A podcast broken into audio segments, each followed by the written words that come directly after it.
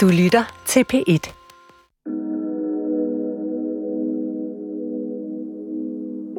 Hvis forslaget, du har stillet nu, også bliver stemt ned for tredje gang, hvad gør du så? Så græder jeg sgu. Fordi under alt det her, mens jeg har øh, kæmpet med den her sag, så fik jeg faktisk konstateret lungekræft i 2020. Øh, for sent diagnose. Øh, og det, det har taget så meget af min tid, det her. Men det er det, der har holdt mig oppe. Borgerforslag skulle give almindelige danskere en direkte vej ind i Folketingssalen. Med 50.000 underskrifter kan hvem som helst få sin mærkesag behandlet af politikerne på Christiansborg. Men lytter de egentlig, når tusinder af borgere har sat deres underskrift på en politisk vision? Og hvad er det, der driver helt almindelige borgere til at kæmpe for ny lovgivning? Det er mit lille barn. Jeg vil simpelthen have, at folk skal kunne komme på til tandlægen. Om ikke andet, så med en reduceret betaling. Fordi det er ikke rimeligt, at det skal være så dyrt. Hvor er sikkerhedsnettet henne? I dagens særudgave af p Debat er jeg taget ud for at undersøge, hvad det vil betyde, hvis Dunjas borgerforslag blev til lov. De næste 45 minutter, der skal du møde nogle af dem, det hele handler om. Jeg har stillet et borgerforslag, og det har jeg gjort gennem de sidste tre år. Det ene hed skattebetalt tandlæge, det andet hed tandlæge på lige vilkår med praktiserende læger, og så er det det, der kører nu. Der kan jeg ikke huske, hvad det hedder. Sundhedsvæsenet skal også indebære tandbehandling. Ja. ja. Øh, vi synes, det er en væsentlig faktor, at folk kan komme til tandlægen, uden at de skal gå fra hus og hjem.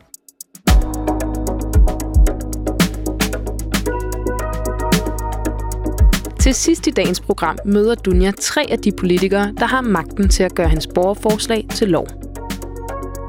Mit navn det er Andrea Dragsdal, og du lytter til en særudgave af P1 Debat. I dag om et borgerforslag om skattebetalt tandlæge til alle. Vi begynder altså i en kolonihave på Amager.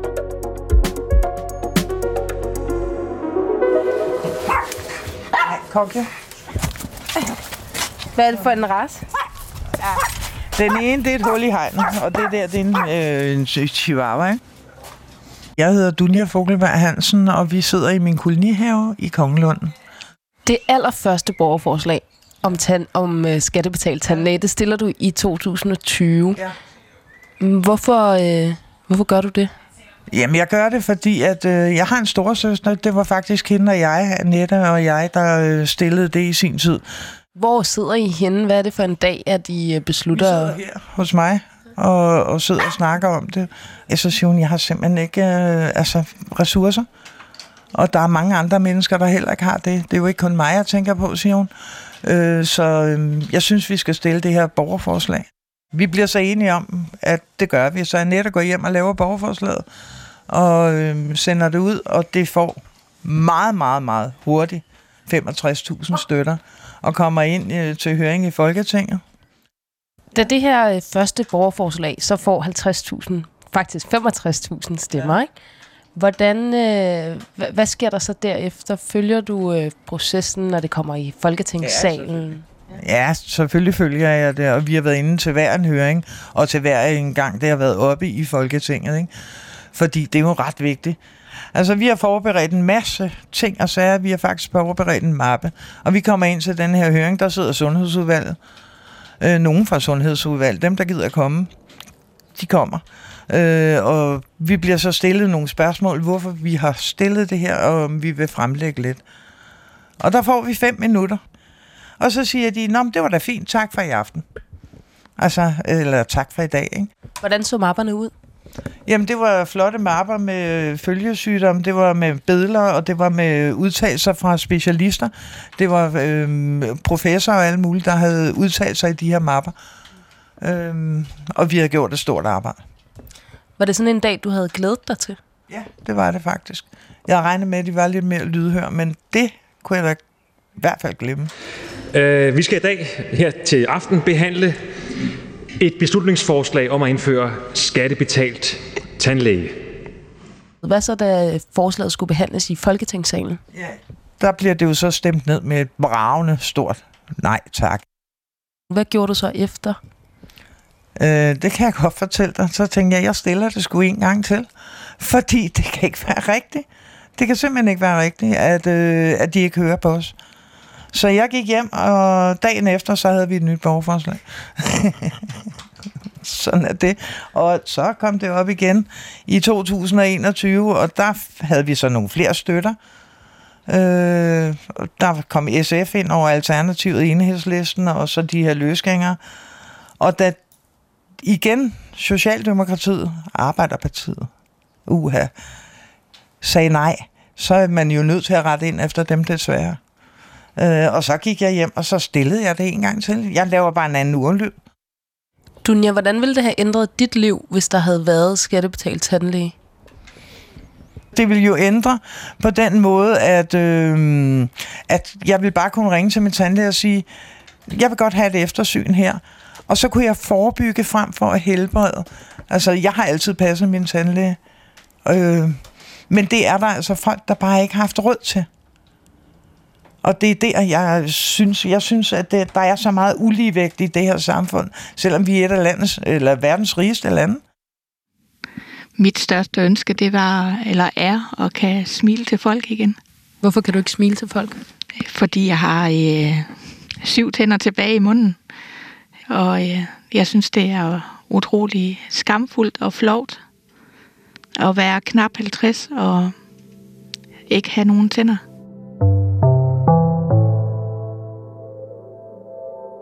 Jeg hedder Anne-Marie Weiss og bor i Nordjylland. Jeg øh, var så heldig eller uheldig og blev syg, og der fik jeg øh, nogle krampeanfald, og i løbet af to døgn på sygehuset, der havde jeg knækket over halvdelen af mine tænder for 13 år siden. Vi havde lige haft kogebryllup, og jeg var træt, og så blev jeg hentet af en ambulance og blev kørt øh, på sygehuset. Øh, de kunne ikke stoppe de her krampeanfald. De, de næste to eller tre døgn, der øh, kan jeg egentlig ikke rigtig huske noget selv, fordi at øh, hver gang jeg kiggede op til overfladen, så fik jeg en ny gang øh, medicin, så at, at jeg var væk, så de kunne styre kramperne. Hvornår øh, finder du ud af, at det, det er gået så voldsomt ud over dine tænder, at du har haft de her kramper? Jeg tror, det er på anden dagen. Jeg kan huske på et tidspunkt, jeg sidder oppe i sengen, og så, så spytter jeg bare små tandstumper ud af munden. Og så kan jeg jo så mærke, at der jo egentlig er mange, der er knækket. Hvad gør du så? Jeg ringer efter en sygeplejerske, fordi jeg blev forskrækket. Og snakkede med læge også. Og det er fordi, når man, man kramper, så bider man så hårdt sammen, så kan man egentlig bare knuse sine tænder. Hvor mange tænder har du øh, knust på det her tidspunkt? I stedet, I stedet mellem 14 og 16 tænder. Så det er lige omkring halvdelen? Ja. Det er sådan set en af kindtænder, så det er jo egentlig alle dem, der er gode til, når man skal have noget spist. Kan du huske, hvordan du reagerer på det her? Jeg var noget panikken bagefter, og jeg tænkte egentlig også, at når at det var sket på den her måde, at så ville der være special tandpleje eller et eller andet, der, gik, der kunne gå ind og assistere, så man kunne få resten af tænderne ud, eller stumperen ud. Og så blev det egentlig bare fikset, og så kunne man egentlig bare få en, en ny mund. Men sådan går det jo absolut ikke. Hvornår finder du ud af, at du selv skal betale for at få ordnet tænderne? Jeg tror, det er samme uge eller ugen efter, at jeg får lov til at komme hjem til mine børn. At der er ikke nogen hjælp at hente nogen steder. Det er jo egentlig bare at, at spare op. Jeg har arbejdet i, i skånejob, så jeg havde min førtidspension. Og min mand, han øh, arbejdede på det tidspunkt på et kyllingslagteri. Altså, vi har aldrig gået sulten i seng, men vi har heller ikke haft for meget at gøre med. Skal vi ikke bare kalde det sådan? Da børnene, de var, øh, de var små, så var vi måske på en, to overnatninger øh, om året, og det var det. Så de har prøvet at være på ferie, men ikke øh, til udlandet eller sådan noget. Var I forsikret? Var du forsikret? Ja, jeg var ulykkesforsikret. Hvad sagde de? Jamen, det dækkede jo ikke. Dengang, der var, der var, det, der var tænderne øh, ikke med i forsikringerne, øh, som de er i dag. Det er først kommet sidenhen. Det er igen, det er noget, man finder ud af, når man skal bruge det, at den mulighed er der ikke. Kan du huske sådan cirka, hvad, det, hvad tandlægen sagde, det ville koste? Cirka 75.000. Så tog jeg jo ydmyg det her med tilbage til kommunen, og så tænkte jeg, at, at det kunne de da godt se, at det kunne vi da ikke lige samle sammen. Men der var ikke, altså, vi fik at vide, at vi kunne bare spare noget mere, men jeg ved ikke, hvad vi skulle spare på. Og det gør det egentlig lidt, lidt frustrerende. Når man kigger på lovgivningen, så står der jo, at du som førtidspensionist kan få tilskud til tandpleje, hvis du er øh, blandt andet førtidspensionist. Det gælder også for nogle andre grupper. Hvorfor kunne du ikke få det? Det er fordi, jeg er så dum, jeg er gift. Øh, hvis man er gift, så er der gensidig forsørgerpligt. Så det betyder, at det er min mand, der skal stå for den del. Og det har han nok tjent for lidt til, hvis man skal sige det sådan. Ja, altså han har tjent for lidt til at kunne hjælpe dig med tandlægeregningen, men nok til, at kommunen har sagt, at det burde han. Ja. Så du går heller ikke til nogen kontroller, eller får også bare en tandrensning eller noget andet? Nej. Klarer jeg synes slet ikke, de skulle, de skulle kigge ind, hvad der var tilbage. Lige da der opgav jeg fuldstændig. Sparer du så op til at kunne få ordnet tænderne på et eller andet tidspunkt? Nej, det er der slet ikke til på det tidspunkt. Vi kæmper egentlig... Øh, øh, vores mellemste er øh, handicappet, øh, og vi har altid øh, kørt efter, at det børnene skulle have, det skulle de have, og så måtte vi komme lidt i anden række. Var der heller ikke bare en 50'er eller 100 kroner om måneden? Jo, hvis vi har taget fra noget andet, så jo, så havde vi kunne gøre det. Men igen, jeg tror også, at det er, det er beløbet, der gør, at, øh, at det bliver så uoverskueligt, når man får at vide. Vi har altid købt brugt biler, så det var mere end en brugt bil. Også næsten mere end to brugt biler. Hvordan er det at gå på arbejde i den tid? Jamen, til at begynde med, der, der kan jeg jo skjule det, fordi at det er de inderste tænder. Men da de inderste tænder ikke bliver lavet, så begynder det jo at tage resten af tænderne med. Øh, og da jeg så stopper i, i 2012, tror jeg det er, der har jeg knækket den, den ene af, af fortænderen og har mistet den ved siden af. Øh, så der kunne jeg ikke smile til patienterne længere, fordi at øh, jeg satte altid hænderne op foran munden, fordi jeg synes, det var så flot at repræsentere en virksomhed og skulle sørge for, at andre havde det godt, og så øh, se sådan ud. Det synes jeg ikke, man kan. Sagde de noget til dig på arbejdet? Nej, det gjorde det egentlig ikke. Det var øh, mit eget dårlige selvværd, der øh, kom til udtryk. Hvorfor holder du op med at arbejde? Det er øh, øh, fordi, at jeg øh, synes, det er alt, alt for flot. Ikke at kan... Jeg er, er et meget øh, smilende menneske, og øh, den sidste tid, jeg gik på arbejde, der havde jeg næsten altid en hånd op foran mit ansigt, fordi at, øh, at der var ingen, der skulle se, at jeg manglede øh, af mine fortænder. Øh, jeg synes, det var så pinligt, at, at patienterne de skulle kunne, kunne se. Så det er jo kun, hvis der var nogen, der kendte mig meget, meget godt, at jeg ikke gemte mig. Det kan jo være, at der er nogen, der vil sige til dig, mm, sådan er det. Så må du øh, tage dig lidt sammen og gå på arbejde alligevel. Det er selvfølgelig rigtig svært, når der er noget, som gør, at man øh, øh, har dårligere selvværd og ikke har lyst. Men det er jo vigtigt at gå på arbejde. Altså, det var ikke min, min lyst som sådan, der manglede. Det var egentlig bare, at, at når man skal repræsentere et sted, at så skal man se ordentligt ud, hvis man kan kalde det det. Du vil jo heller aldrig se en, øh, en tv-vært, øh, der mangler øh, det halve af sine tænder, stå og repræsentere øh, øh, i et eller andet program.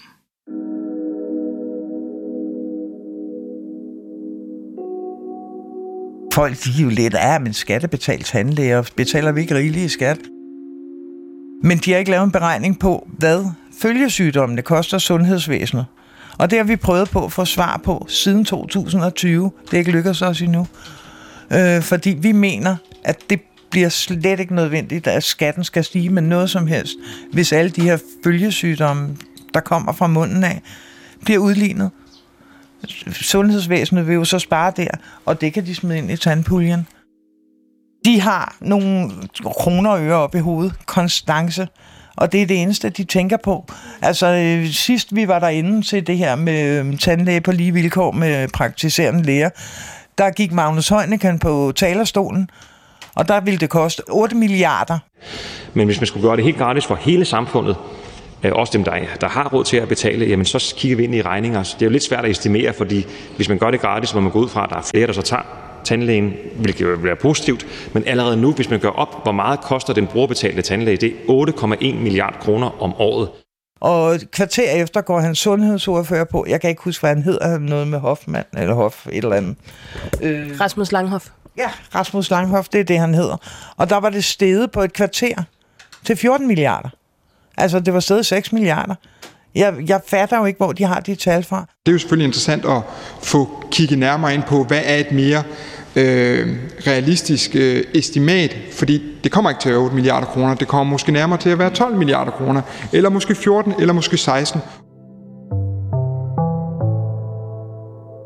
Jeg er taget ud til en, der ved en hel del om det, for at blive lidt klogere på, hvad regningen måske kan ende med. Jeg hedder Esben Boskov Øsejert, og jeg er lektor inde på Odontologisk Institut på Københavns Universitet, også det vi kalder Tandlægeskolen. Øh, og lige nu sidder vi på mit kontor herinde, og øh, jeg arbejder med øh, hvad kan man sige, den samfundsmæssige øh, implikation af at have dårlige tænder og, øh, og få lavet tænder. Også de sådan individuelle øh, ting, altså hvordan påvirker det ens livskvalitet, når man begynder at få dårlige tænder. Gør det en forskel man får få lavet tænderne? Øh, hænger det sammen med forskellige øh, samfundsmæssige aspekter? Øh, ja. Og gør det det? Ja, det har helt klart en, øh, en vis sammenhæng med øh, det samfundsmæssige aspekt på den måde, at, at hvis, man, øh, hvis man virkelig har dårlige tænder, så påvirker det en rigtig, rigtig meget. Øh, det gør det, og det er klart, det vil gå ud over ens øh, øh selvværd og selvtillid og den slags ting. Så der vil være nogen, der har så dårlige tænder, så de for eksempel ikke har lyst til at gå til et jobsamtale. Og hvis man ikke har det, så er det jo klart, så får man ikke noget arbejde. Og så, øh, så er risikoen jo, at, at hvis der er mange af dem hjemme, så koster det samfundet nogle penge. Ikke? Esben, jeg besøger jo dig, fordi der er en kvinde, Dunja, der igen og igen har stillet et borgerforslag om skatterbetalt tandlæge. Og hun mener, at det ville spare statskassen rigtig mange penge, hvis man indførte det. Ved man noget om det? Ved du noget om det? Altså for det første kan jeg rigtig godt forstå, at hun stiller det øh, borgerforslag, og det er jo ikke nogen tilfældighed, at det borgerforslag det kommer igen og igen og er blevet stillet mange gange. Øhm, og desværre øh, kan man jo ikke sige, ja, hun har ret, eller nej, hun tager fejl, fordi der er ikke lavet nok øh, beregninger på det endnu. Øh, men der er ingen tvivl om, at der kan være noget at, at hente. Hvor sikre er dine udtalelser egentlig? Ja, det er et rigtig godt spørgsmål. De er jo i virkeligheden ikke super sikre, vel? Det er de. Altså, jo, altså mine udtalelser er, er, er sikre, kan man sige, men, men hvis jeg begynder at give dig nogle tal for det, så vil det være meget usikkert. Men vil du konkludere på, om man vil kunne få regnestykket til at gå op, måske lige frem med et plus til statens fordel, hvis man indførte den skattebetalte tandlæge? Nej, det kan jeg ikke. Og hvorfor egentlig ikke? Jamen, vi mangler simpelthen tallene for det. Altså, vi, vi mangler mere, mere, mere forskning. Øh, der mangler noget med alle de afledte øh, effekter. Ikke? Altså, alle de afledte økonomiske effekter af at få lavet tænder, øh, eller ikke at, at, at have tandproblemer. Hvad, hvad er det? så at sige. Ikke? Der er jo også noget med, øh, hvad ved jeg, sygedag på grund af smerter i tænderne. Det koster jo også øh, samfundet nogle penge. Ikke? Så, så der er forskellige ting, der vil være super relevant at se på. Esben, hvis det her borgerforslag, det en dag blev til lov, hvilken forskel tror du så, det vil gøre? Altså, jeg tror, at det vil... Øh, altså, for alle dem, der, hvad kan man sige, går til tandlæge nu og, og bare betaler selv, jamen, øh, der vil de jo bare være glade, fordi at de, øh, de fik det gratis. Jeg er ikke sikker på, at det vil gøre nogen forskel for deres tandsundhed. Men øh, for hele den gruppe, der har problemer med at betale for det, der tror jeg, det vil gøre en kæmpe forskel i forhold til altså de lavt lønnede og de arbejdsløse og den slags ting, at de ligesom øh, kunne få lavet det, øh, de skulle få lavet. Ikke? Og det vil gøre en forskel for deres liv i høj grad, tror jeg. Tror du, man vil ramme de mest udsatte? Jeg tror ikke, du vil ramme de mest udsatte. Øh, men der kan man sige, der er andre ordninger, der tager sig af det. Der er noget socialtandpleje og den slags ting. Men jeg, jeg tror, dem, der vil få størst glæde af det her, eller gavn af det, det vil være de, de lavt lønnede, og dem, i der sådan er lidt, altså stadigvæk er udsatte, men måske lidt i mindre grad, som stadigvæk vil føle, at de kunne gå til en, til en tandlæge. De vil få stor glæde af det her. Og det vil så ikke længere være en barriere for for eksempel at gå til, til jobsamtaler, eller få dates, og deres, de kunne også finde kærligheden måske. Det kan man ikke sætte en pris på. Præcis.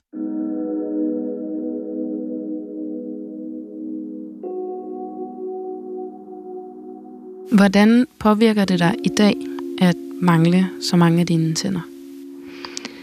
Jamen, i dag er jeg den heldige ejer af syv tænder. Øh, en i overmunden og seks i undermunden. Det er sværere, hvis man skal ud og spise eller et eller andet, for man skal tænke på, hvad man bestiller, fordi man kan ikke bare bestille en, øh, et lækker stykke øh, oksekød eller et eller andet, fordi det er jo ikke sikkert, du kan tygge det. Så du har faktisk mistet endnu flere tænder siden dine kramper for Ja. 13 år siden. Hvordan kan det være? Jamen det er jo fordi, når nogle af dem er dårlige, så tager det jo resten med. Hvordan kan det tage resten med? Jamen altså, så, øh, når der er når de er knækket, så kommer der karies til, og når der så kommer karies til, og så, øh, så skal der ikke så meget til, for der så kommer til dem ved siden af, og når det så er det har taget dem ved siden af, så tager det dem ved siden af igen. Hvordan spiser du, når du kun har én tand i overmunden? Jeg øh, skærer mit kød i meget små stykker. Øh, for, jeg tror det er seks år siden, øh, der var jeg ved at blive kvalt i et stykke kød, fordi jeg havde ikke, øh, jeg havde ikke fået skåret det lille nok. Øhm, så jeg har lært nu, at, at, at man skal skære det i meget, meget små stykker, så man er sikker på, at man kan at man kan tykke lige over med de to, altså de to tænder, der er over hinanden. Så man kan få findelt det kød, man får i munden. Desværre så tager det jo så bare oceaner af tid at spise et måltid. Anne-Marie, hvad er egentlig din livret? Det, det er desværre sådan en, øh, et, et godt stykke øh, medium rare øh, oksekød. Hvor tit får du det? Øh, nærmest aldrig, for jeg kan jo ikke tygge det længere. Desværre. Ja, jyder, de skal helst have kød. Du fortalte mig, at du elskede den tid, hvor der var mundbind. Ja. Hvordan kan det være? Jamen, det var fordi, at når jeg havde mundbind på, så var der ingen, der kunne se, at jeg havde dårlige tænder. Øhm, og så kunne jeg smile, øh, sådan rigtig smil, så man kunne se det i øjnene. Øhm, og så synes jeg egentlig, at så var jeg ligesom alle andre. Øh, så kunne man ikke se noget, og så var jeg øh, øh, mere fri. Altså man bliver sin egen værst fjende. For hvis nu jeg skal høre på min mand, så siger han, at han elsker mig lige meget, hvordan jeg ser ud. Og det, må, det, er, det har han jo også bekræftet, da vi lige har haft sølvbryllup. Så, så, så han har jo ret langt stykke, at jeg er meget andet end mine tænder.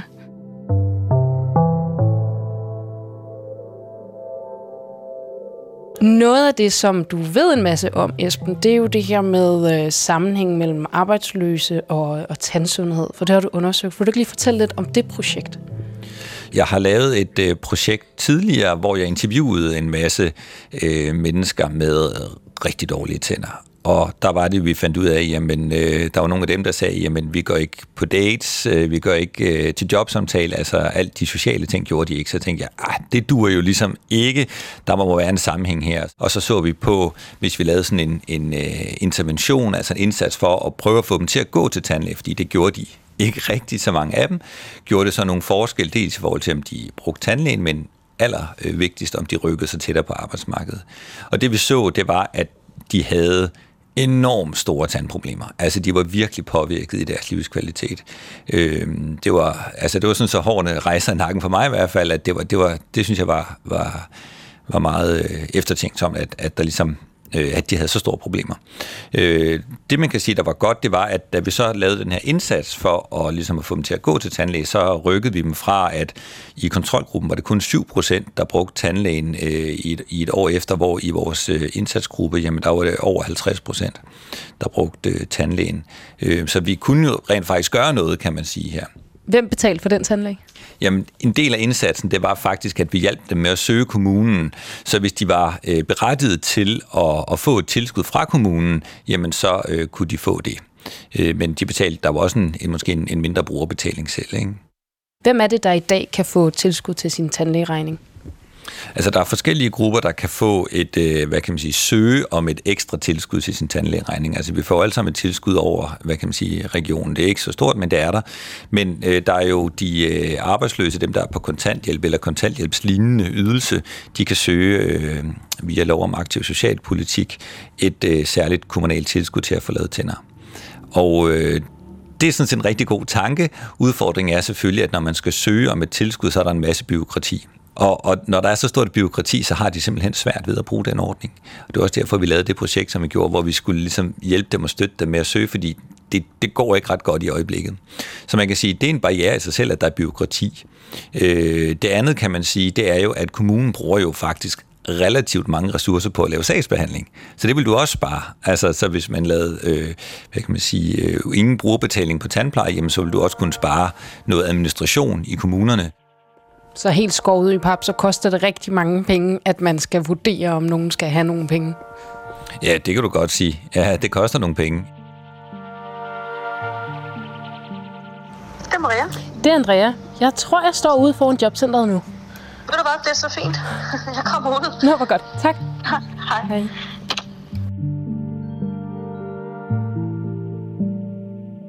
Det første, man ser, når man skal præsentere sig selv, det er, at man rækker hånden frem, og man smiler til et andet menneske. Det er det første, du ser. Det vil sige, at deres øh, selvværd allerede der, øh, nogle af dem har jo rigtig, rigtig meget øh, altså rigtig, rigtig dårlig tandstatus. De har måske sorte tænder, de mangler nogle tænder i munden, eller, eller hvad det nu kan være. Og det vil sige, at allerede her er de faktisk øh, lidt hæmmet i kommunikationen. Øh, og hvis de så har psykiske udfordringer øh, fra start, det kan være med angst, eller depression, eller stress, eller hvad det nu kan være, jamen så kommer det til at fylde en hel del mere og være en, en ekstra hemsko for, at man kan gå ud og præsentere dig. Øh, både jobcentret til, til mig som sagsbehandler, eller ude ved en virksomhed, når de skal i praktik, eller måske endda skal til jobsamtale. Mit navn det er Maria Højfeldt, og øh, jeg er uddannet socialrådgiver og arbejder på et jobcenter til daglig. Øh, jeg sidder som øh, koordinerende sagsbehandler for målgruppen, der hedder Aktivitetsparat over 30. Og det er den målgruppe, som øh, har øh, komplekse udfordringer ud over ledighed. Og det kan være psykiske udfordringer, det kan være fysiske udfordringer, det kan være social udsathed, det kan være hjemløshed osv. Så, så det er altså borgere, som er langt væk fra arbejdsmarkedet. Har du siddet med borgere og så hjulpet med at søge om tilskud til, til tandlæge? Ja, det har jeg. Vil du ikke lige fortælle lidt om den proces? Hvordan øh, foregår det? Jamen det foregår typisk ved, at, at vi selvfølgelig får identificeret, hvor, hvor er problemet henne, og det gør man ved, at, at borgeren har været nede til en tandlæge og har fået lavet det, der hedder et overslag. Øh, men allerede overslaget koster jo også penge for borgeren, så det er allerede penge op ad lommen. Øh, og det overslag på sin tandlæge kan godt koste mellem 5 til 700 kroner at få lavet. Så bare det har de haft penge op ad lommen. Når de har haft den her, fået det her overslag, jamen så øh, søger man det, der hedder tilskudsbevilling til, til tandlægehjælp. Og her skal du simpelthen udfylde, jamen hvad har du indestående i din, øh, Øh, i din øh, bank, altså på din konti, og hvordan, øh, hvordan har du mulighed for at, at, at spare op? Altså man, man, man kigger, apropos man, man tager tre måneders øh, kontoudtog, så er det jo det her med ligesom at sige, okay, hvad har du af husleje? Hvad betaler du af faste regninger? Øh, og så lægger man selvfølgelig det beløb sammen og siger, okay, hvad er dit rådighedsbeløb så? Har du mulighed for at kunne spare op af det? Øh, og, og når man laver en konkret vurdering på, jamen øh, vi kan se, at den her borger har øh, eksempel 4.000 kroner til sig selv, og vi vurderer, at det ud af de 4.000 kroner kan borgeren godt spare 200 kroner op om måneden. Jamen så kan man gå ind og lave en konkret vurdering i forhold til, hvor meget man så dækker tandlægeregningen så må det jo være, fordi kommunen vurderer, at borgeren kan betale regningen selv. Og bør borgeren så ikke også gøre det? Jo, i de udstrækning, det kan lade sig gøre. Men når du lægger 200 kroner til side om måneden, så ved du det, fordi det er 200 kroner, du ikke skal bruge.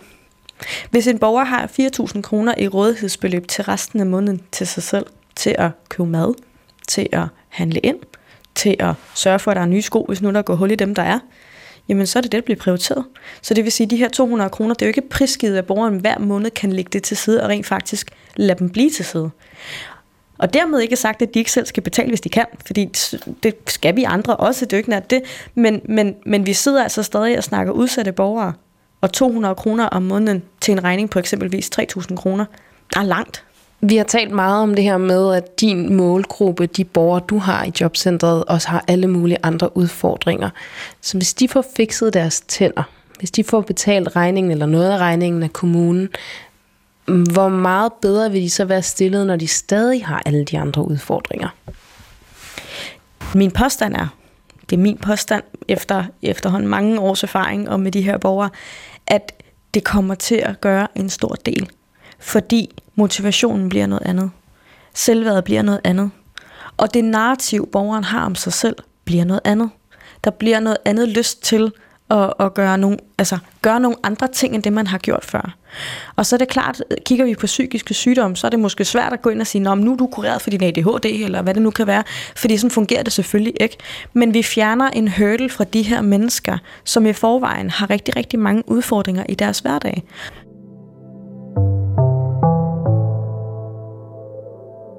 Den her gruppe, øh, dem der var uden for beskæftigelse, havde de også andre udfordringer end det, at de ikke lige var på arbejdsmarkedet?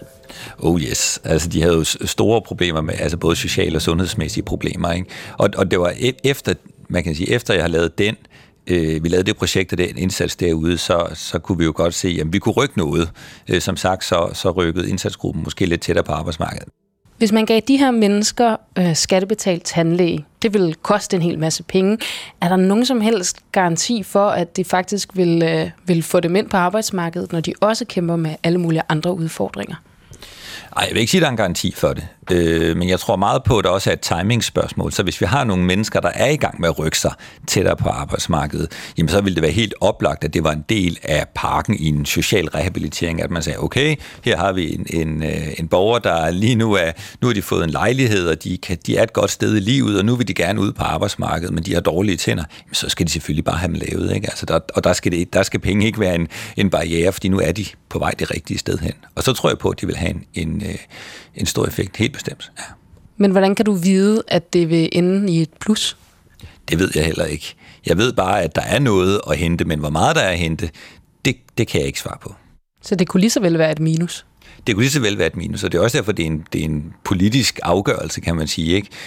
Øh, så hvis man, hvis man gerne vil de her mennesker, øh, og man gerne vil prøve at rykke lidt på den ulighed, der er i tandsundhed, jamen så er det det. Hvis man ikke synes, at ulighed i tandsundhed er et problem, så skal man jo ikke gøre noget ved det.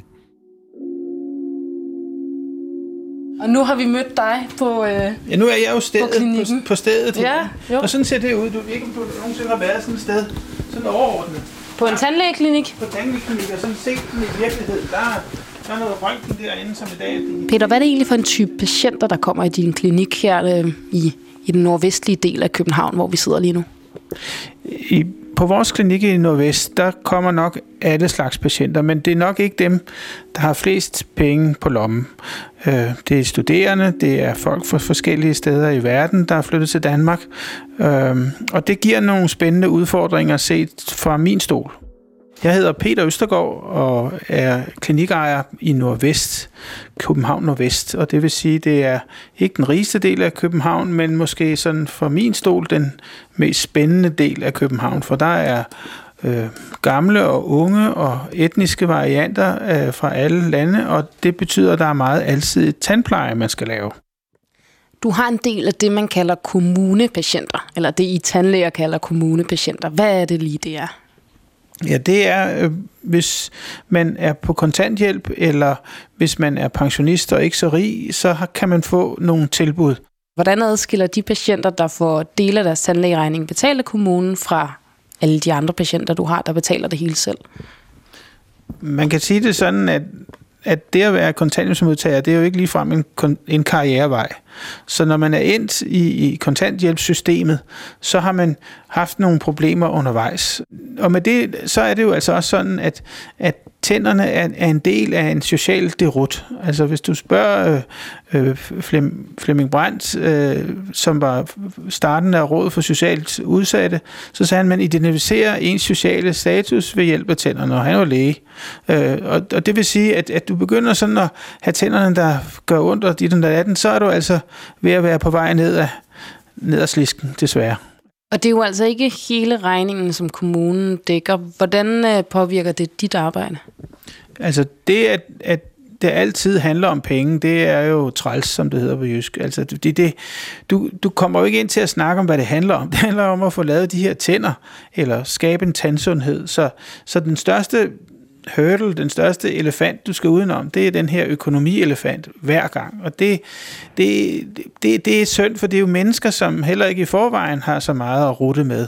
Altså, der kunne man jo godt ønske, at man havde samme ordning som lægerne, der bare kører et, et gult sundhedskort igennem, som sådan et totalt betalingskort. Sådan fungerer det ikke hos os. Sådan fungerer det jo heller ikke hos købmanden eller i butikken, når man køber alle mulige andre varer. Hvorfor skal det være anderledes for dig?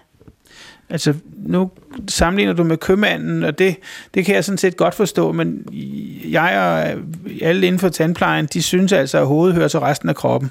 Og vi har lidt svært ved at se, hvorfor det skal være så forskelligt. Altså, klassikeren er, at det er gratis med en, med en brækket arm, men et hul i en tand, det koster jo så rigtig meget, hvis man ikke kommer i tide. Oplever du, at de patienter, der kommer her med tilskud fra kommunen, at de har udskudt deres tandlægebehandling øh, længere end godt er? Jeg oplever, når man kommer øh, og har kontanthjælp, så har man udskudt sin behandling længe. Der er jo både føles lidt skamfuldt, og, og, og det er også smertefuldt, og der er mange ting, som, som er, er forfærdeligt, når man, når man er presset økonomisk og socialt, og, og på anden vis øh, ikke har det godt. Og det vil sige, at, at kunne man lave en ordning, der gjorde, at de kom lidt tidligere, jamen så ville man jo også gøre livet meget bedre for dem. Og det er jo det, det handler om, når vi taler om sundhed. Har du patienter, der har virkelig dårlige tænder, for tilskud fra kommunen, men hvor det er selvforskyldt? Jeg, jeg vil hellere sige på den måde, jeg, har, jeg lever mit liv og, og prøver at gøre det med ansvar, og det håber jeg også, de fleste andre mennesker gør. Men det er da rigtigt, der er folk, der ikke børster deres tænder. Og det er da forfærdeligt. Der er også folk, der ikke vasker sig under armene. Problemet er bare, at armene falder ikke af, men det gør tænderne på sigt. Og det, og det er det, der er problemet. Folk lever deres egne liv, og det vil jo altid være sådan, at, at når vi har gjort noget, så vil der være stadigvæk være ulighed. Peter, kan du tilbyde de patienter, der kommer her, den hjælp, du gerne vil? Altså, man kan ikke øh, give folk en, en høj hat i stormvejr. Ja, det kan man godt, men den blæser hurtigt af. Og det samme, du kan ikke bare gøre hvad som helst øh, med tænderne. Så, så det tager noget tid at lære hinanden at kende, og så øh, er der nogle muligheder inden for det. Øh, det, der så er begrænsende for, for mig, det er jo, at når man så arbejder med, med kommunens øh, tilbud, og det er jo sådan, loven er skruet sammen, så er det delproteser og helproteser, der er tilbuddet. Og det vil almindelige danskere i dag ikke bryde sig om at få, men det er det, der er muligt inden for de økonomiske rammer der. Og protese, det er det, man vil kalde et gebis? Ja, et protese, det er et gebis, ja.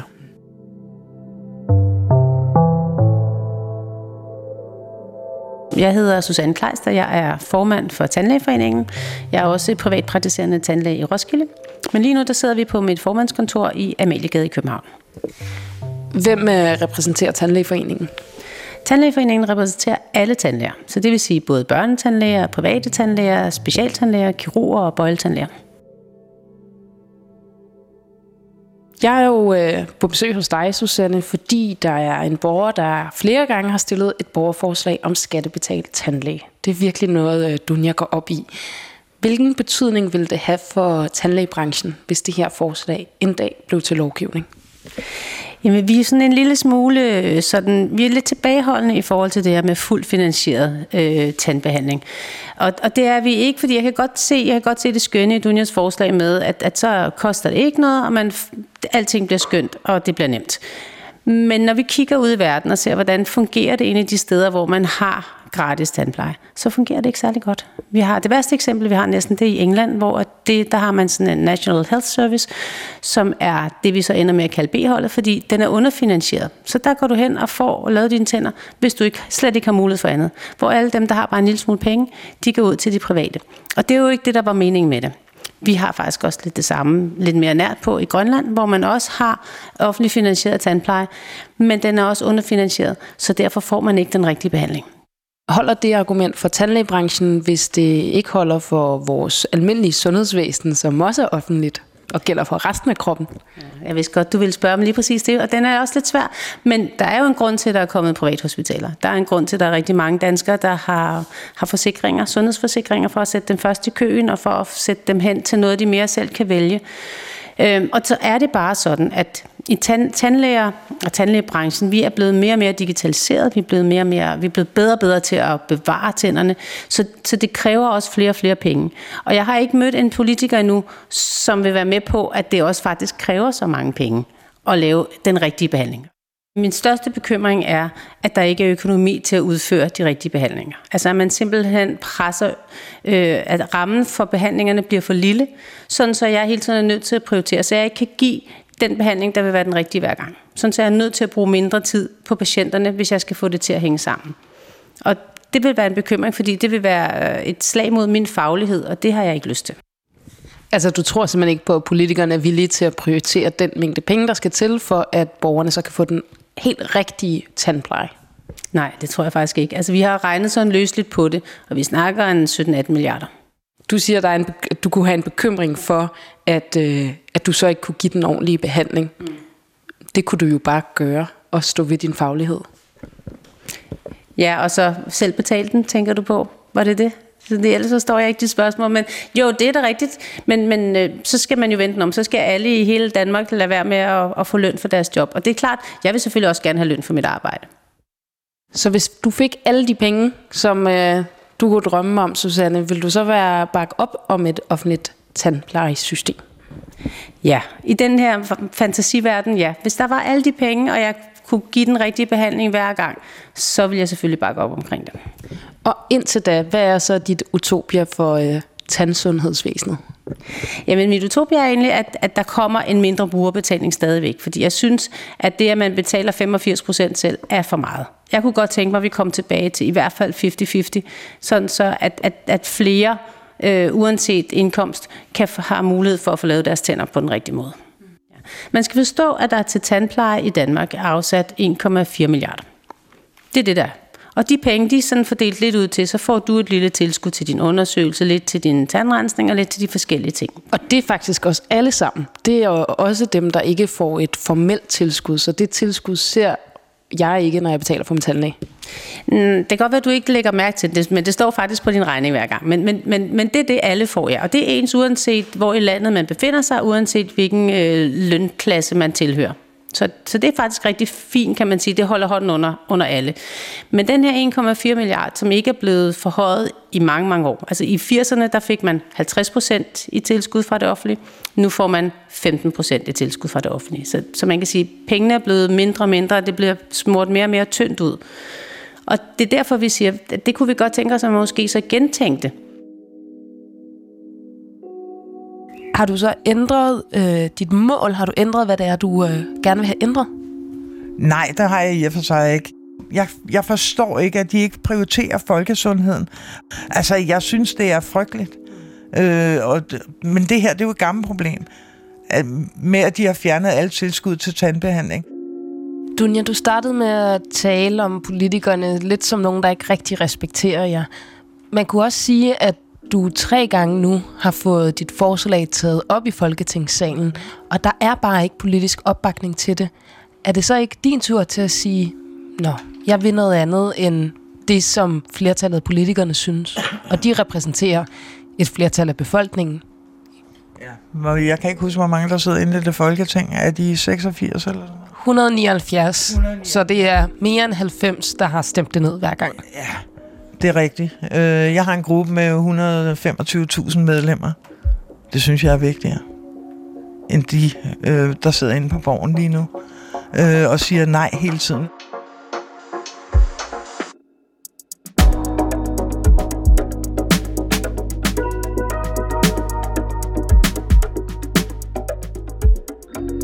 Det var den første del af den her særudgave af P1 Debat om skattebetalt tandlæge. Nu skal Dunja møde tre af de politikere, der har magten til at gøre hendes borgerforslag til lov.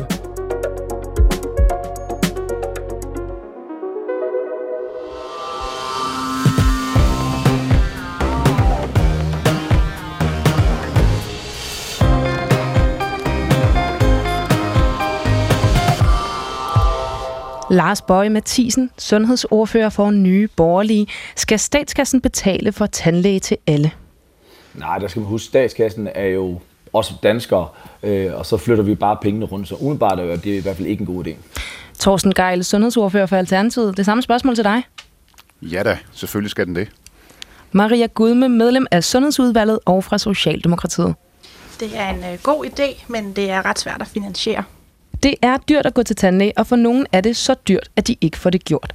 Det gælder især dem med de korteste uddannelser og lavest lønnede jobs, og det kan ses på deres tænder. Der er også dem, der siger, at der kan være en sammenhæng mellem dårlige tænder og andre sygdomme, arbejdsløshed og endda kærligheden.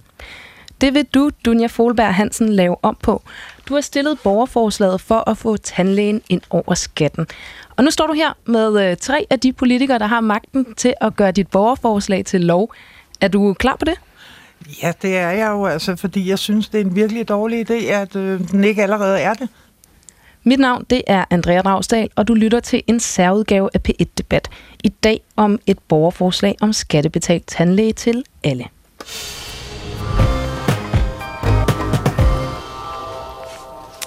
Dunja Folberg Hansen, du har stillet borgerforslaget, men det er ikke første gang. Du har gjort det tre gange. Mm. Hvorfor er det her så vigtigt for dig? Fordi der er så mange borgere i samfundet, der ikke har et godt liv på grund af, at de har dårlige tænder. De er på overførselsindkomster, de er på kontanthjælp, de er på alt muligt, og de kan ikke få et job med tænder, der ikke er i orden. Der er mange følgesygdomme af tandproblemer, og der er rigtig mange. Og det koster samfundet en midsvær bundegård. Og jeg vil på sigt regne med, at det vil kunne udligne sig, så at det ikke bliver dyrt for samfundet. Er det ikke folks eget ansvar at passe på deres tænder? Det er ikke alle, øhm, som har, har øhm, hvad hedder det, øhm, er skyld i, at de har dårlige tænder. Nogle er født med mælketænder, og når de bliver omkring 30 års alderen, så ryger de ud af munden på folk, og de får ikke lavet deres tænder. Der er folk, der er født med emaljeskader. Der er folk, som får medicin, som ikke er skyld i det her. Jeg er selv cancerpatient. Jeg er heller ikke skyld i, at mine tænder er ved at falde ud. Altså, og så fremdeles. Dunja, er en almindelig borger være, så ved du jo ret meget om det her. Hvorfor det? Hvorfor er du så optaget af lige præcis det her emne? Det er fordi, at jeg har en storsøster, der har haft kræft i hovedet. Øh, og hendes tænder er faldet ud. Hun er 61 år. Og jeg mener ikke, det er rimeligt, at, at folk skal nedgøres på den måde.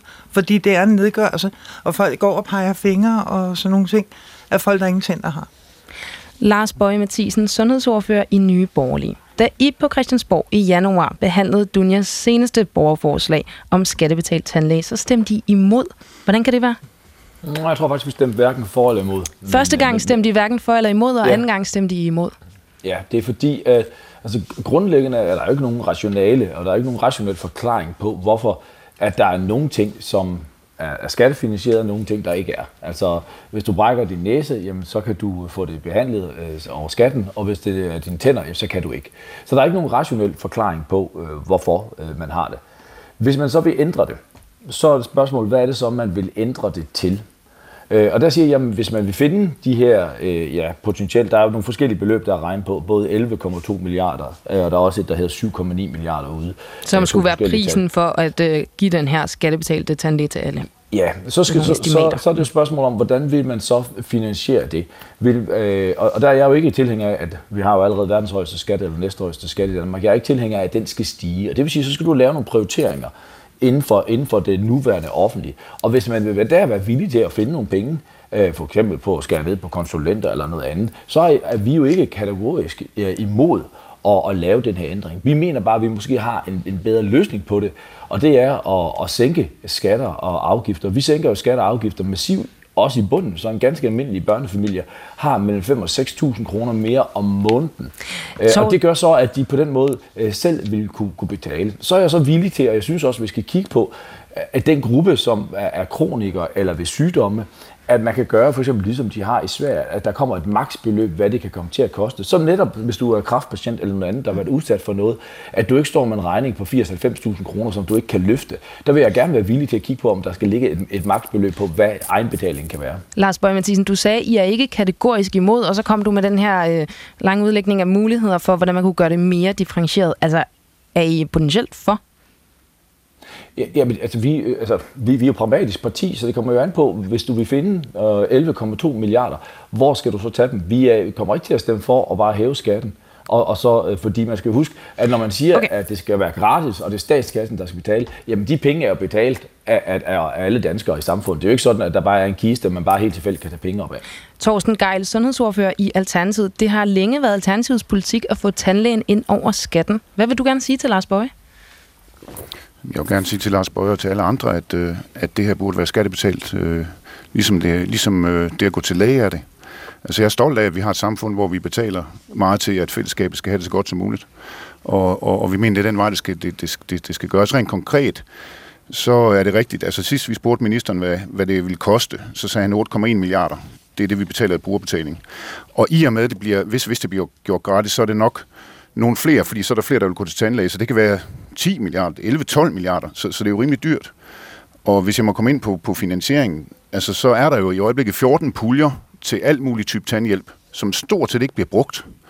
Øh, det kan man i hvert fald bruge og kaste over i, i, i i at skabe gratis, øh, gratis tandlæge. Og så er der jo nogle enorme afledte besparelser.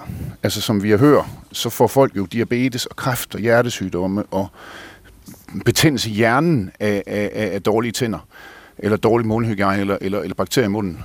Og der må vi altså finde ud af, hvor store er de besparelser. Altså hvis folk fik ret til gratis tandlæge, så ville vi jo spare milliarder i, i, i afledte besparelser i sundhedssystemet. Og hvor ved og de skal du jo egentlig også det fra, Thorsten Geil? For det er jo ikke slået nalfast fast.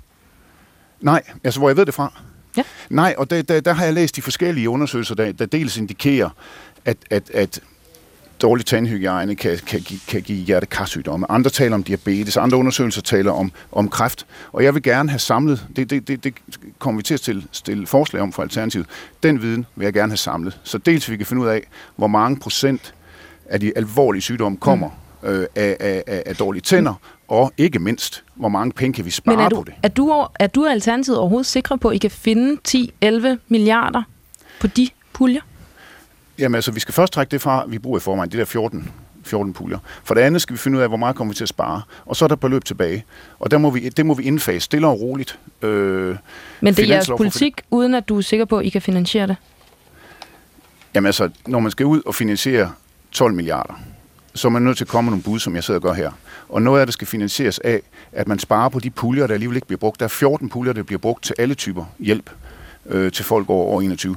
Der skal man se, hvor mange penge er der i dem og så kan man trække dem fra. Og så kan vi trække de afledte besparelser fra.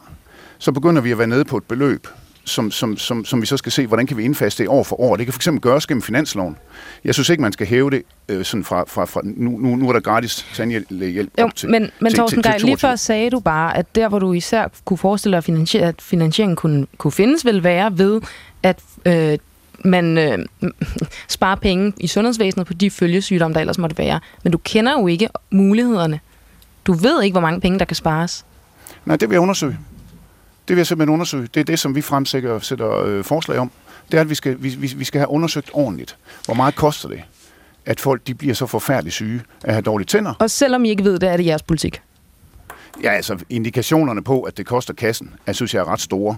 Og det synes jeg også, hvis du lytter til Dunja og, og andre, der udtaler sig, at indikationerne på, at, at, at det her fører til rigtig, rigtig alvorlige sygdomme, som folk dør af, og som koster mange, mange penge for behandling, de er så store, at ja, lad os få det undersøgt.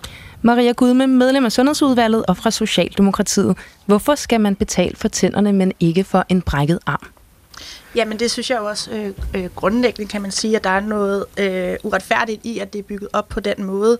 Øh, det svære er at skulle gå i gang med at ændre det til at, og at, øh, hvad hedder det, at, øh, øh, tandsundhed også går ind under, hvad skal man sige, de normale sundhedsydelser, for eksempel som at kunne komme til lægen eller blive kørt på hospitalet. Øh, så, så grundlæggende kan jeg rigtig godt forstå det her forslag, og kan også godt se noget skævhed i, hvordan det system, vi har i dag, er bygget op.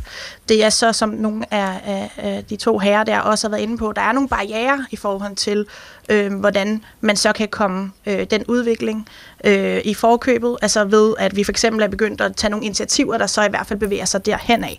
Øh, jeg er helt enig i forhold til den her sociale slagside, og det, den ulighedsfaktor, der er i det med tænderne, øh, og derfor synes jeg også, at det er vigtigt, at der har været det her med social udsatte kunne få, øh, kunne få tandlægehjælp. Men Socialdemokratiet er jo ikke for nuværende for en øh, generel øh, skattebetalt tandlæge til alle. Mm.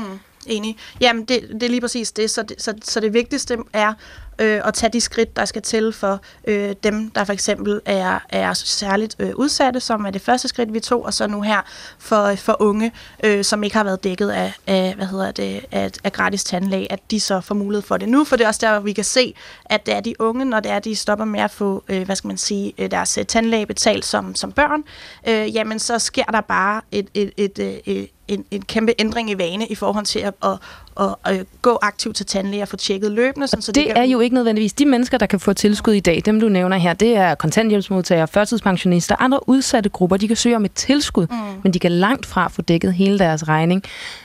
Hvordan vil du hjælpe alle de andre, de almindelige lavindkomstgrupper? Mm. Altså, der, der er jo i hvert fald blevet lagt op til at kigge på, hvordan så voksentandlægeindsatsen øh, så kan være bygget op, og finde en model, altså for ud, udvikle en model, hvor det kan blive mere tilgængeligt at komme til tandlæge.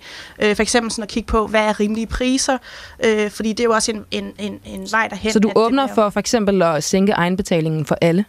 Øhm, det er i hvert fald noget af det, som, som er blevet spillet ind i forhold til at kigge på en model, men det er jo noget, vi skal øh, tale Det er blevet spillet ind, men hvad er Socialdemokratiets politik? At, at det, er, det er vigtigt, at vi gør det mere tilgængeligt, og det kan jo gøres på mange forskellige måder. Det kan jo både gøres på, øh, på priser også. Er du villig til at finde penge til det? Øh, ja, jeg synes, at der er en, en villighed til det, helt klart. Øh, hvordan Hvor kunne så? det for eksempel være? Øh, jamen altså, jeg synes i hvert fald, det er vigtigt at få set potentialet i øh, selve forebyggelsesdelen i det. Altså, hvis man reelt set kan få, få tal på det, for det er også det, der har været udfordringen indtil nu, at man ikke kan få konkrete tal på, at når det er så, at det bliver en del øh, af forebyggelsesindsatsen, at du faktisk kommer til øh, kontinuerligt tandlægetjek, jamen hvad, hvad kan det så øh, give os af besparelser øh, ved at gøre det? Og det synes jeg er et ret reelt og øh, væsentligt tal i forhold til at se, om det overhovedet kan lade sig gøre. Torsten Geil, øh, du og Alternativet har efterspurgt det her tal i meget lang tid, og øh, det har I ikke fået endnu, vel? Nej, vi har spurgt ministeren gang på gang, hvad sådan en besparelse kunne være, og øh, nej, vi venter stadig på svar. Ja. Dunja Folberg Hansen, lad os lige få dig på banen. Det er dit borgerforslag, og nu hører du politikerne komme med hver deres argumenter. Hvad tænker du? Jeg tænker, at det er noget brøvl, der bliver sagt fra Socialdemokratiet, og det må jeg ærligt indrømme.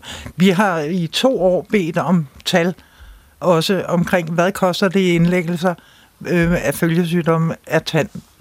Det er der ikke nogen, der kunne komme med. Jeg har skrevet stolpe op og stolpe ned til samtlige i Sundhedsudvalget, samtlige sundhedsminister. Jeg får ingen svar. Det er det samme, Thorsten Geil siger. Mm.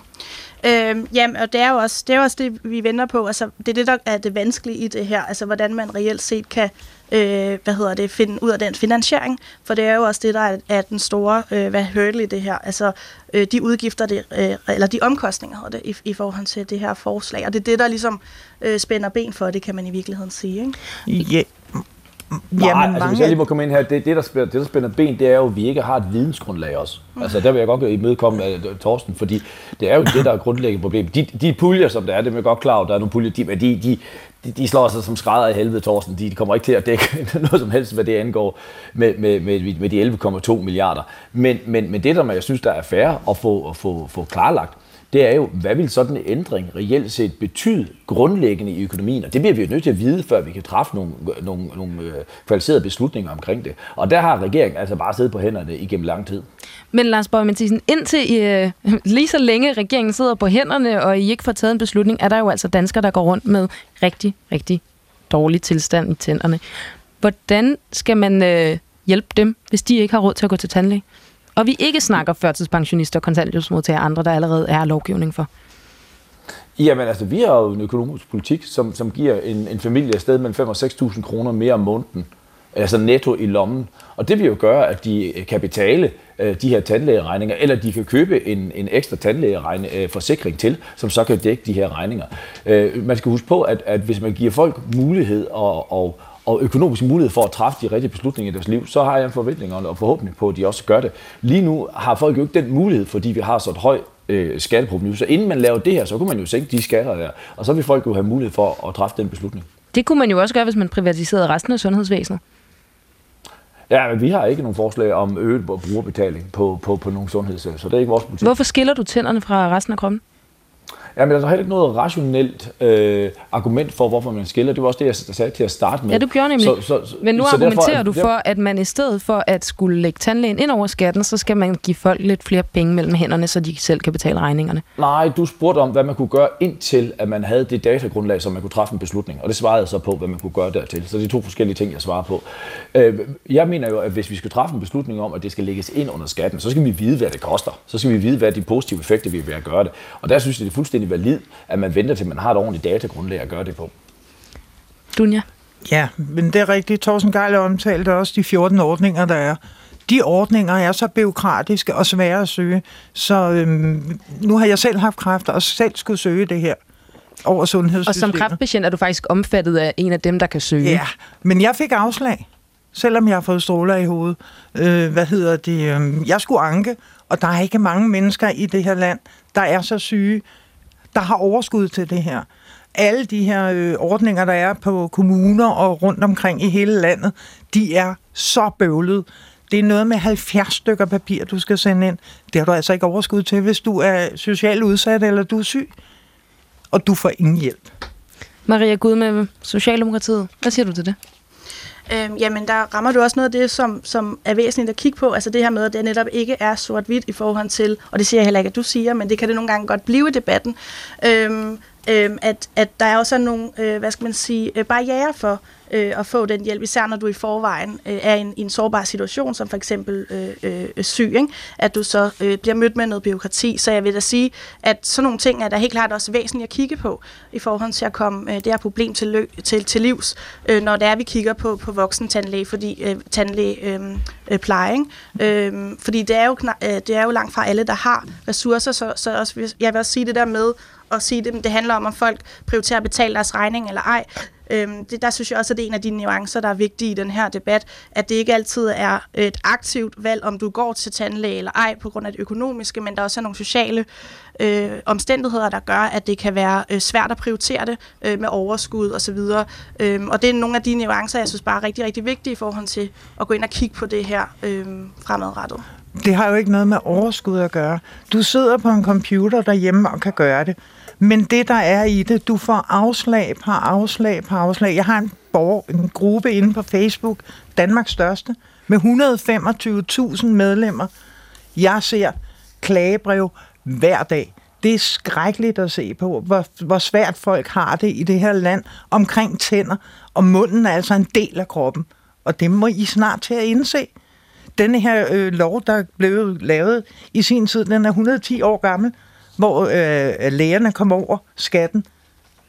Dengang gik du til smeden og fik hævet dine tænder ud. Det gør du altså ikke i dag.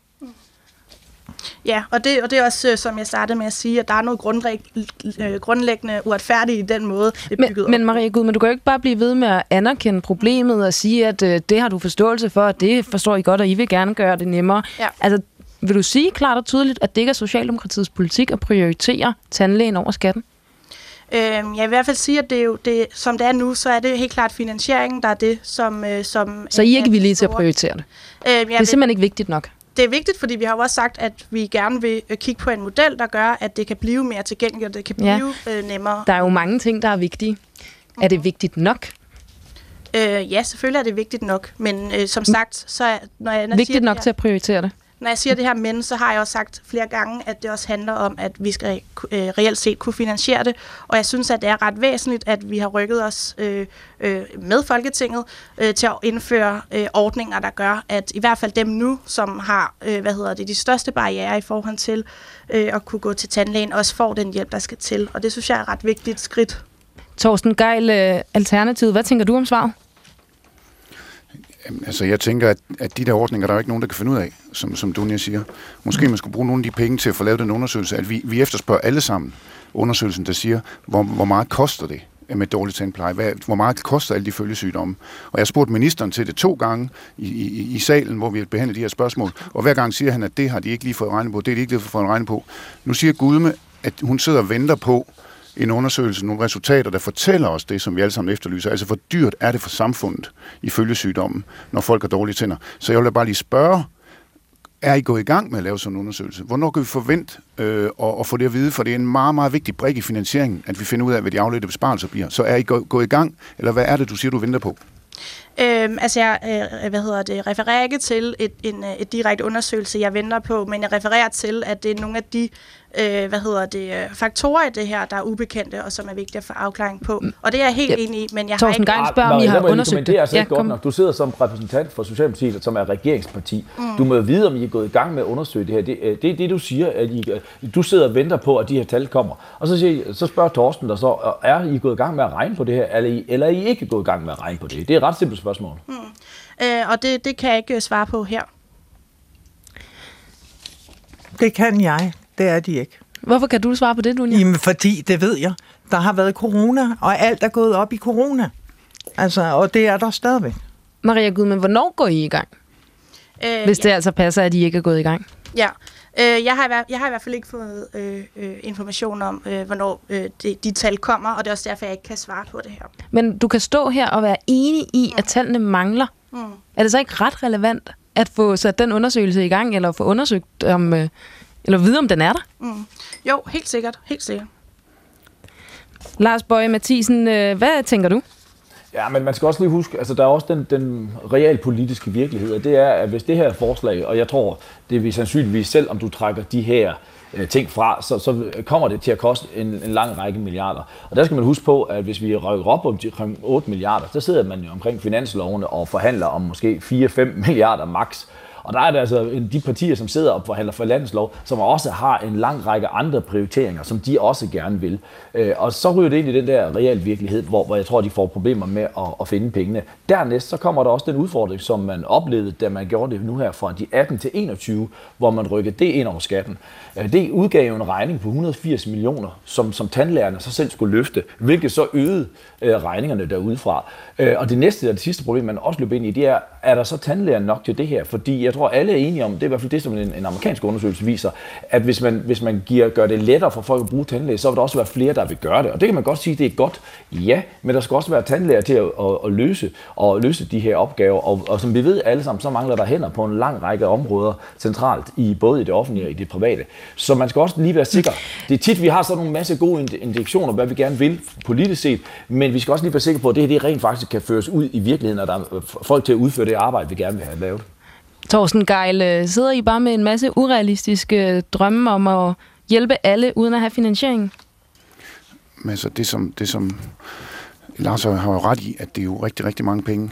Altså, vi skal først trække de her, det her beløb fra, som ikke kun er omkostninger i sundhedsvæsenet. Det er også, altså når folk, folk bliver også forhindret i at komme på arbejde, det er sygedagpenge, det er det er arbejdsudbud, der bliver mindre, og det er konsekvenser af mistrivsel. Der, der, der er meget, der skal trækkes fra i afledte Når vi så har beløbet, når vi så finder ud af, hvad beløbet er, og også får trukket beløbet fra de der 14 ordninger fra, jamen så ved jeg ikke, hvad det er. Skal vi sige 5 milliarder, 6 milliarder? Det kan da sagtens være. Jeg aner det virkelig ikke, så du må ikke hænge mig op på det. Jamen så må vi jo indfase det. Så må vi jo sige, mm. det skal indfases stille og roligt.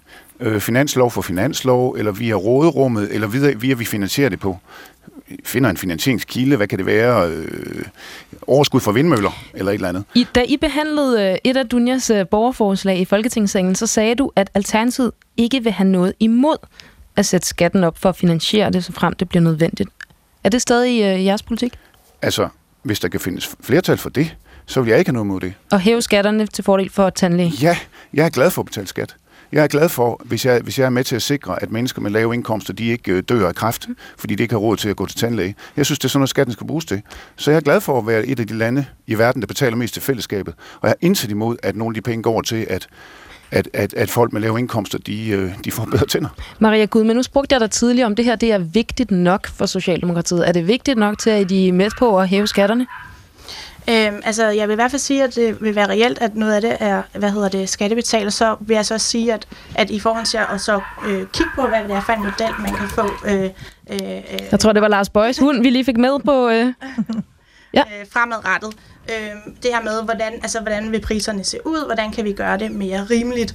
Øh, og så, så, så det vil jo også være øh, en, en model, man kan kigge på. Var det? Ja, nu havde jeg lige... fordi, Lars kom bare, jeg havde bare skruet ned for dig på grund af hunden. Ja, ja, det var min nabo. øhm, men, men det der kæden hopper ned for, af, fordi den her regerings politik, som Alternativ har støttet med finanslov, har gjort alle indkomstgrupper fattigere, undtagen de anden rigeste. Og dem, man har gjort mest fattigere, det er de allerfattigste. Så, så der er altså ikke sammenhæng med den politik, som man så fører. Når man siger, at man gerne vil gøre noget for, at folk skal have råd til at kunne betale deres tandlægeregninger, så har man gjort de fattigste fattigere. Og det vil sige, at de har fået sværere ved at betale deres tandlægeregninger. Så man må altså også kigge ind og sige, jamen, hvad er det for en politik, man fører? Gør man det lettere eller sværere for folk at betale deres tandlægeregning? Og den politik, man fører lige nu, det gør altså bare, at folk har sværere ved at betale deres tandlægeregninger. Maria Gud med et kort svar. Altså jeg vil sige, at problematikken er, er stor, og vi har lige talt om, at beløbet er stort, og jeg synes, at det er, er, er en, en reel, øh, nogle reelle skridt, der bliver taget ved at bide det op i mindre bidder. Altså at den første bid i virkeligheden handlede om at sikre de allermest udsatte, øh, og her blandt øh, de hjemløse. Ikke?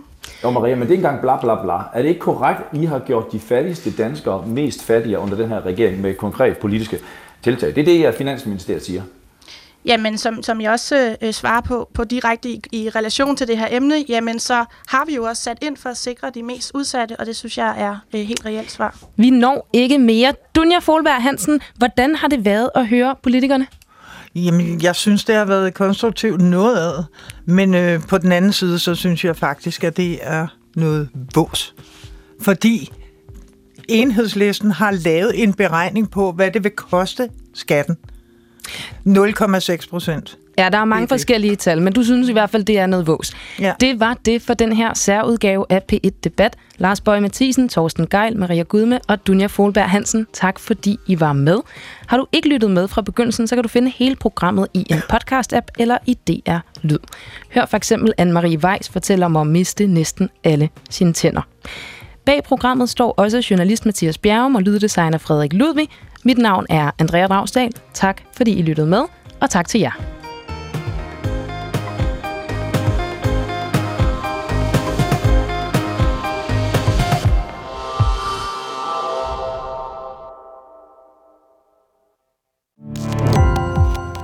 Gå på opdagelse i alle DR's podcast og radioprogrammer. I appen DR Lyd.